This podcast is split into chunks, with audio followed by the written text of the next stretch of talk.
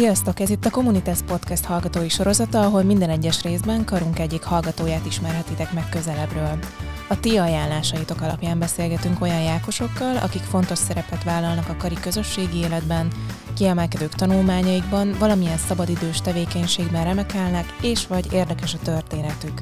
Hallgassátok, szeressétek őket, és a beszélgetések alapján legközelebb bátran lépjetek oda hozzájuk. Építsük együtt a pázmányos közösséget. A mai napon Tettinger Orsolya első éves jogász hallgató a vendégem. Orsolyát az egyik kollégám javasolta interjúra, ugyanis ha jól tudom, egy oktatónk vette észre óra közben, hogy a füzetében milyen szép rajzok vannak. Isten hozott Orsolya, és az első kérdésem az az, hogy emlékszel erre a szituációra, amit nekem elmesélt az egyik kollégám? Üdvözlök mindenkit! Először is szeretném megköszönni, hogy itt lehetek, és igen, emlékszem rá, latin órán, amikor is fordítási gyakorlat volt, amivel én hamarabb végeztem, hiszen van latin nyelvvizsgám, úgyhogy szabadidőmben egy kicsit rajzolgattam a füzetbe, természetesen az óra anyagával kapcsolatos dolgokat, és akkor ö, vették észre, hogy wow, egész jól néznek ki, amiket csinálok oda.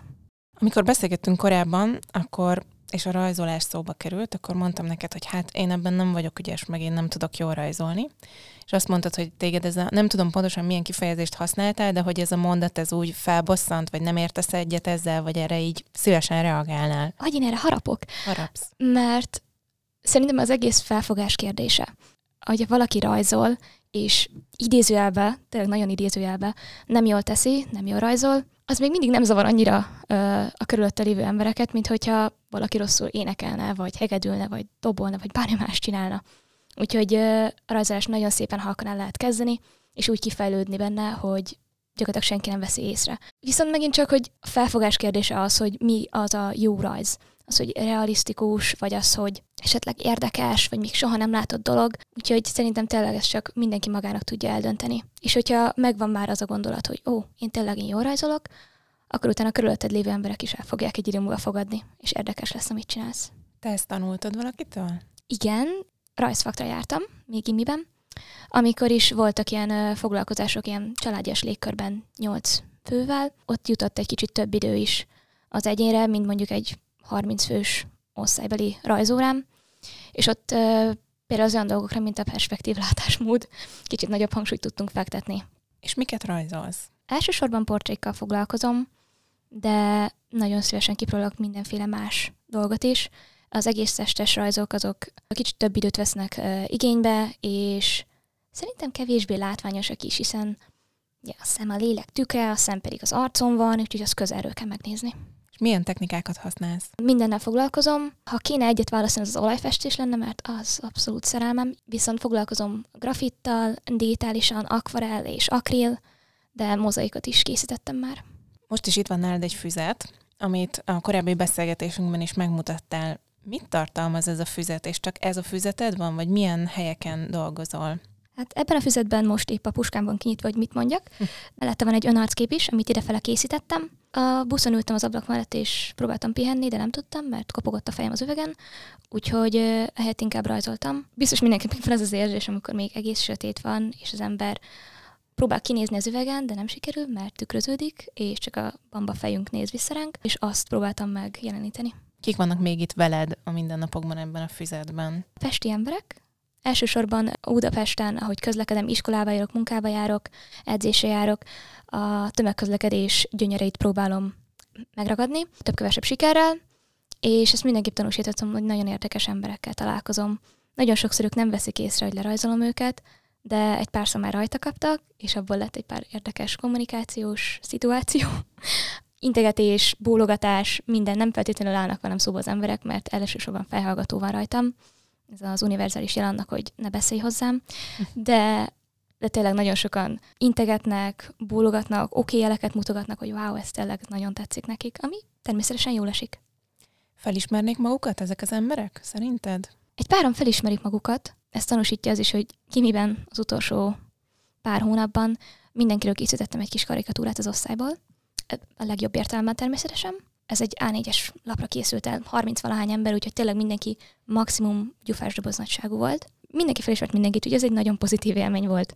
Kedvenc tanáraink is rajta voltak. Tényleg nem realisztikusak voltak, hanem az olyan lélegzetes vonásaikat sikerült szerintem papírra vetnem, ami alapján tényleg aki ismerte őket, azt tudta azonosítani. És amikor a buszon mondjuk lerajzolsz valakit, akkor is ez a jellemzőbb, hogy valamilyen vonásra vagy egy tulajdonságra koncentrálsz, vagy inkább a realisztikus ábrázolás? Megint csak vegyesen, de általában, amikor buszon közlekedem, akkor nincs kimondottan hosszú időm arra, hogy megfigyeljek valakinek az arcát, ami pedig ugye szükséges egy realisztikus portré elkészítéséhez, hanem ilyenkor általában, hogyha valaki felszáll, vagy leszáll, vagy megmozdul, és én oda nézek, látok egy, egy szép orrot, vagy egy gyönyörű fület, vagy, vagy bármit, egy, egy nagyon érdekes ö, frizurát, tényleg bármit, ami megragad, és azt lerajzolom. Viszont elég érdekesen néznek ki a füzet, hogyha csak orrok, meg szempárok lennének össze-vissza benne, úgyhogy kiegészítem, ahogy én elképzelem, hogy néz ki az embernek a maradék ö, része. Ez azt jelenti, hogy először megfigyelsz, van egy pont, amit kiszúrsz, Igen. azt megnézed, és akkor utána a többit már tulajdonképpen csak érzésből? Csak fantáziából, igen. Fantáziából rajzolod. Melyik a kedvenc rajzod ebben a kis füzetben? Lehet választani? Igen, van. Igazából egy portrégyűjtemény. Általában egy embert szoktam egy oldalra lerajzolni, és lapozok, mert ha jól sikerült, akkor nem akarom elrontani esetleg egy rosszul sikerült portréval, ami mellette örökké ott maradna. Viszont, hogyha rosszul sikerült, akkor meg megint csak nem akarom azt, hogy mindenki azt lássa, amikor megmutatom a füzetemet. Úgyhogy általában egy ember per oldal. Viszont amikor elkap a hév, és 10 plusz embert rajzolok le, nagyon dinamikus lesz tőle, és szerintem ez egy igazán látványos dolog. És mit jelent az, vagy hol van számodra a mércé annak, hogy ez egy jó, vagy egy rosszul sikerült portré? A jól sikerült portré, az szerintem az, vagy jól sikerült rajz általában, amire hátra tudok dőlni, és meg vagyok vele elégedve én, mint alkotó, mint művész. Mert arra idézőben rosszul sikerült rajzaimat is ö, nagyon sokszor éri dicséret. Tehát olyan rajzokat, amiket én őszintén szétszincáltam volna már, meglátja egy idegen ember, és hogy hát ez csodálatos, ez gyönyörű, ilyet még életében nem látott. És a, azért tartom meg most már ezeket a kicsit gyengébb rajzokat is, mert tényleg valaki másnak meg azt tetszik. Amikor megmutattad a gyűjteményed egy részét, akkor mutattál ugye digitális rajzokat, vagy festményeket is, és többre azt mondtad, hogy ez még nincs kész, meg ez sincs még kész, meg az sincs még kész, már pedig én nagyjából kész festményeket láttam, hogy mind múlik ez, vagy mi történik utána ezekkel? Tényleg egyszer csak előveszed és kiegészíted még azzal, ami neked hiányzik? Szeretném azt mondani, hogy természetesen mindent előveszem és befejezem, de sajnos nem így működik. Többnyire szabadidőmben dolgozom az ilyen festményekkel, ami pedig ugye mind most egyetemista, jelentősen visszaesett ez az idő. Rendszeresen vannak befejezetlenül ezek a darabok és nagyon sokszor nem is jutok el odáig, hogy utána kidolgozzam tényleg még azokat a részleteket, amiket szerettem volna látni rajta, vagy hónapok múlva térek vissza rá. Akkor pedig már nem az a dolog érdekel, nem azt szeretném lerajzolni. Úgyhogy szegények ott maradnak a fiók alján. Meg tudod fogalmazni, hogy mi történik veled akkor, amikor rajzolsz? Talán pontosan ezért is szeretem a művészeteket, mert miközben rajzolok, nem gondolok semmire. Egy teljes tisztaság van a fejemben, és üresség, ezért is annyira kikapcsoló. Mert ha valami aggaszt, valami nyomaszt, vagy csak zsibog a fejem a különböző impulzusoktól, miközben rajzolok, ez az egész eltűnik. És tényleg abszolút csend. 30-40 perc eltelt utazással, buszon való zögykölődéssel, és egy teljesen másik helyen vagyok, és fölnézek a füzetemből, és csak pislogok, hogy ó, oh, mi történt, hol vagyok. És azt tudod, hogy egy nap mondjuk hány órát rajzolsz? Gimiben volt az, hogy 10 plusz órát, most már ez jelentősen visszaeszett megint csak, mert itt tanulni is kell. És mi a terved a rajzolásra hosszú távon? Vagy egyáltalán most ez hogy van jelen a te életedben? Tehát ez egy hobbi, vagy ez egy hivatás? Hogy tekintesz erre az egészre? Én elsősorban szeretném hobbinak megőrizni. Nem gondolom azt, hogy jó ötlet lenne, ha monetizálnám ezt a fajta legfőképpen örömforrásomat. Egy párszor előfordult már, hogy megrendelése dolgoztam, de őszintén mindig csak a baj volt vele. Mint a korábbi gondolatban is, hogy megegyeztem, mindenkinek más a tökéletes rajz, mindenkinek más az, amit látni szeretne. Nagyon sokszor a kedves megrendelő is tudja, hogy pontosan mit szeretne. És akkor így a sötétben tapogatózva eljutni egy olyan közös pontra, hogy mind meg vagyunk azzal elégedve, hogy ő ezt kitenné, én meg megengedném, hogy kitegye, az elég nehézkes. Azért is érdekes, hogy felhozod ezt a témát, mert ugye a múlt héten volt az OTDK, ahol többek között a Sándor Média Lola beszélt arról a témáról, hogy a, a divattervezőknél milyen nehézségei vannak annak, hogy egy kis divattervező mondjuk valamilyen termékkel előáll, nyilván ezt szeretné promotálni, ezért megmutatja a nagyvilágnak, és utána a nagy cégek ezt gyakorlatilag lenyúlják, és hogy mennyire nehéz az a helyzet, hogy ebben a, a jogát tudja érvényesíteni ez a, ez a kisebb divattervező, és hogy ennek az egésznek a procedúrájáról beszélt, illetve arról, hogy, hogy merre is lehetne elindulni, és mit lehetne ezzel, a, ezzel az elég nehézkes helyzettel kezdeni. És itt nyilván a te esetedben is azt gondolom, hogy felmerülhet az, hogy nem csak magadnak rajzolsz, hogy esetleg ezt szívesen megmutatnád másoknak, de hogy közben hol van annak a határa, hogy akkor ezt ingyen vagy nem ingyen, hogy egy megrendelés alapján azt csinálod, amit a megrendelő kér, vagy inkább azt, ami a, a te egyéniségedre jellemző.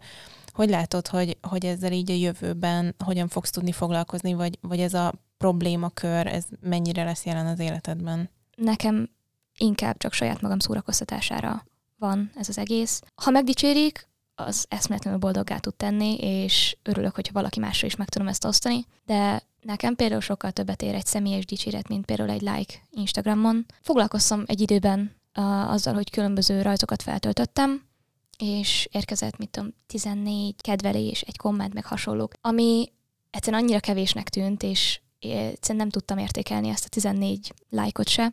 Viszont most például, hogy az egy ember, aki megdicsérte a buszon a rajzomat, az a világot jelentette nekem, és ezért döntöttem úgy, hogy inkább nem foglalkozok digitális sátételével a rajzaimnak. Meg ugye természetesen fönnáll az a veszély is, hogy de tényleg lenyúlják az alkotásokat. Eléggé laza a jogi rendszer, ami ezt szabályozza sajnos, és ismerek olyat is, akinek a dizájnából matrica lett, amit pedig egy elég nagy internacionális cég forgalmazott. A Shein volt az, aki matricákat gyártott belőle, és igazán még arra se vették a fáradtságot, hogy az elrejtett logókat leszedjék a kis malacokról. Természetesen nem írták a leírásban, hogy ez, ez meg ettől a művészre származik, itt tudjátok megkeresni, itt tudjátok támogatni ezt a művészt, csak uh, ugye a barátnőm elég okos volt ahhoz, hogy elrejtse mindenhol a kis logóját, amit én fölismertem, elküldtem neki, és tudta, már valaki jelezte neki, hogy ilyen célokra használják az alkotásait. Érdekelne ez téged egyébként a jogvilágában, hogy mit lehetne ezzel a témával kezdeni?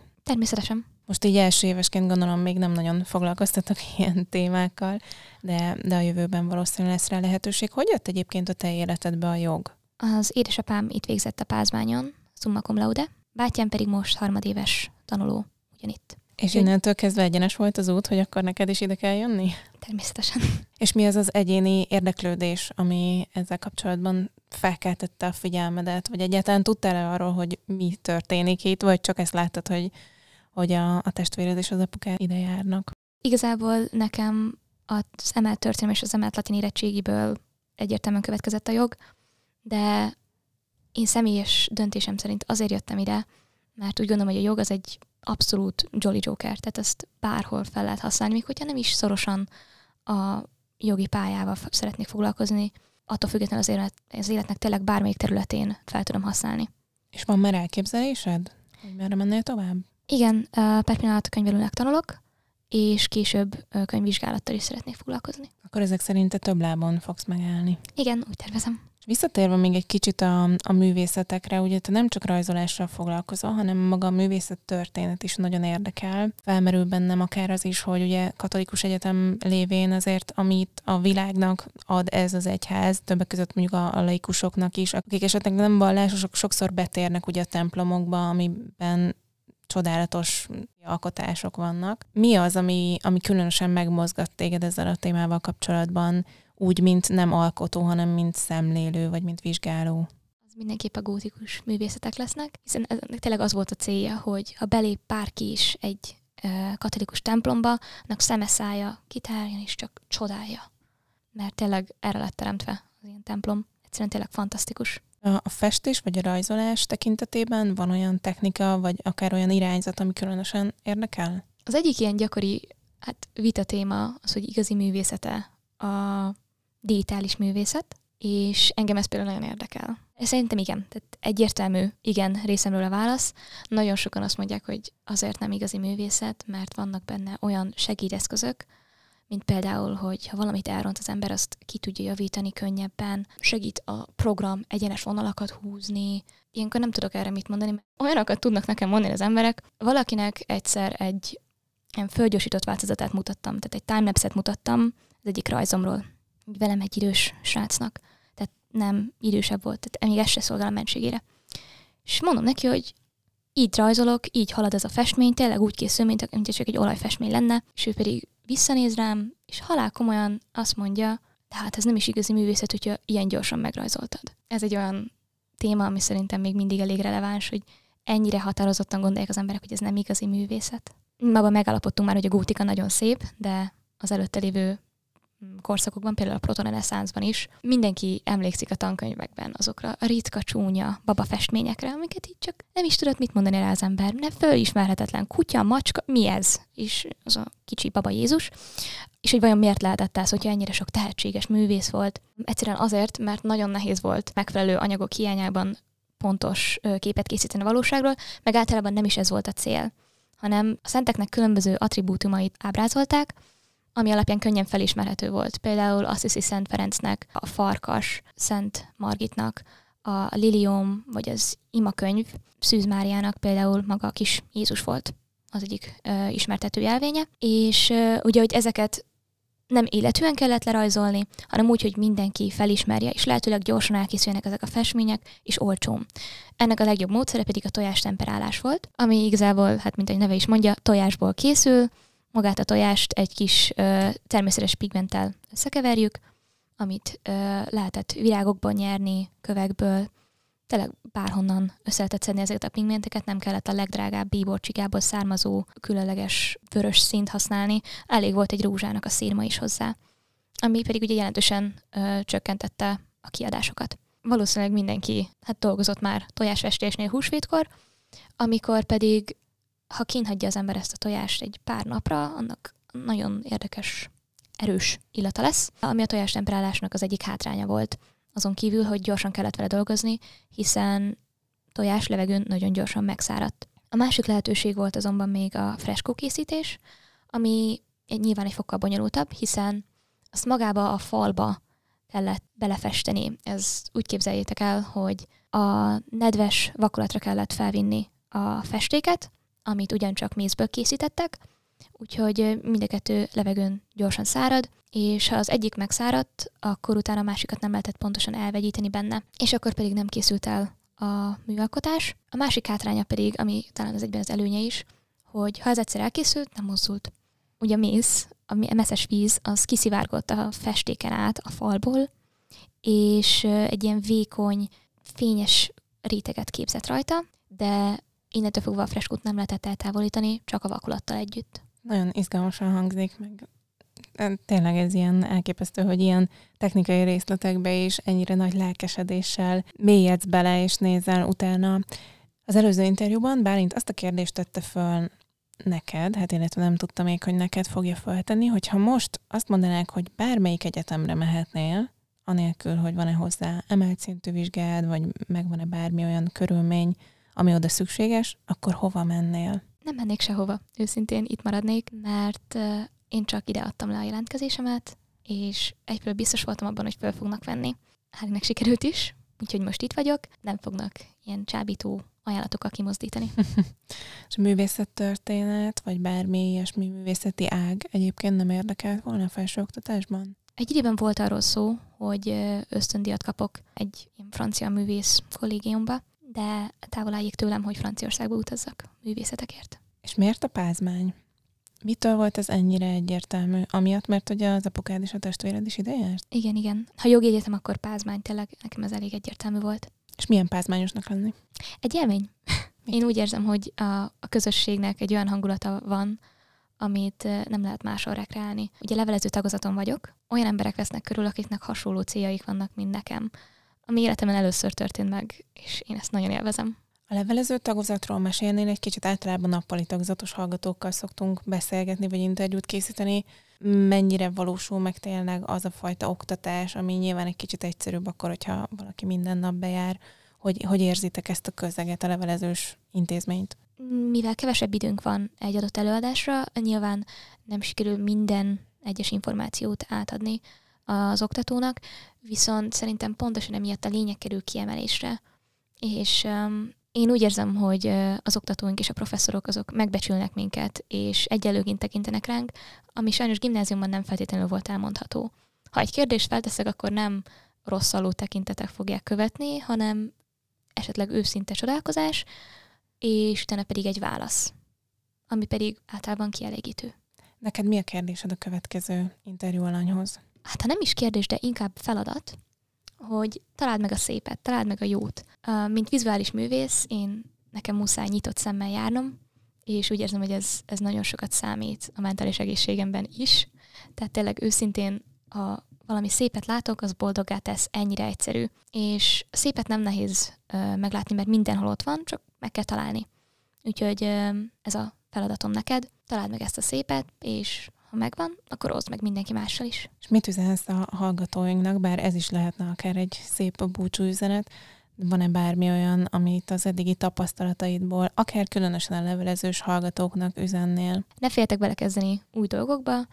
Ha valaki esetleg kedvet kapott a rajzoláshoz, az nagyon szívesen, ha valami kérdése van, nagyon szívesen válaszolok rá, tényleg, mert nem rosszul rajzolsz, csak esetleg nem látod a lényeget, nem látod azt, amit fogjuk szeretnél ejteni a rajzodban. És hogyha ezt megtalálod, akkor onnantól fogva te is sokkal jobban fogod magad érezni a rajzaiddal kapcsolatban. Köszönjük ezt a záró gondolatot, akkor rajzolásra fel. Lehet, hogy mostantól látjuk majd, hogy az aulában mindenki rajzolgat, firkálgat, vagy akár az előadások alatt természetesen, amikor éppen már valaki végzett a feladatával, vagy egy gyakorlat közben. Köszönjük, hogy velünk tartottatok. A kommunikációkukaciak.ppk.hu e-mail címen, vagy közösségi média felületeinken ti is jelezhetitek, hogy szerintetek kinek a történetét lenne érdemes megismerni. Köszönöm, Orsolya, hogy itt voltál, és meséltél magadról. Legyen szép napotok, sziasztok! Legyen szép napotok, sziasztok!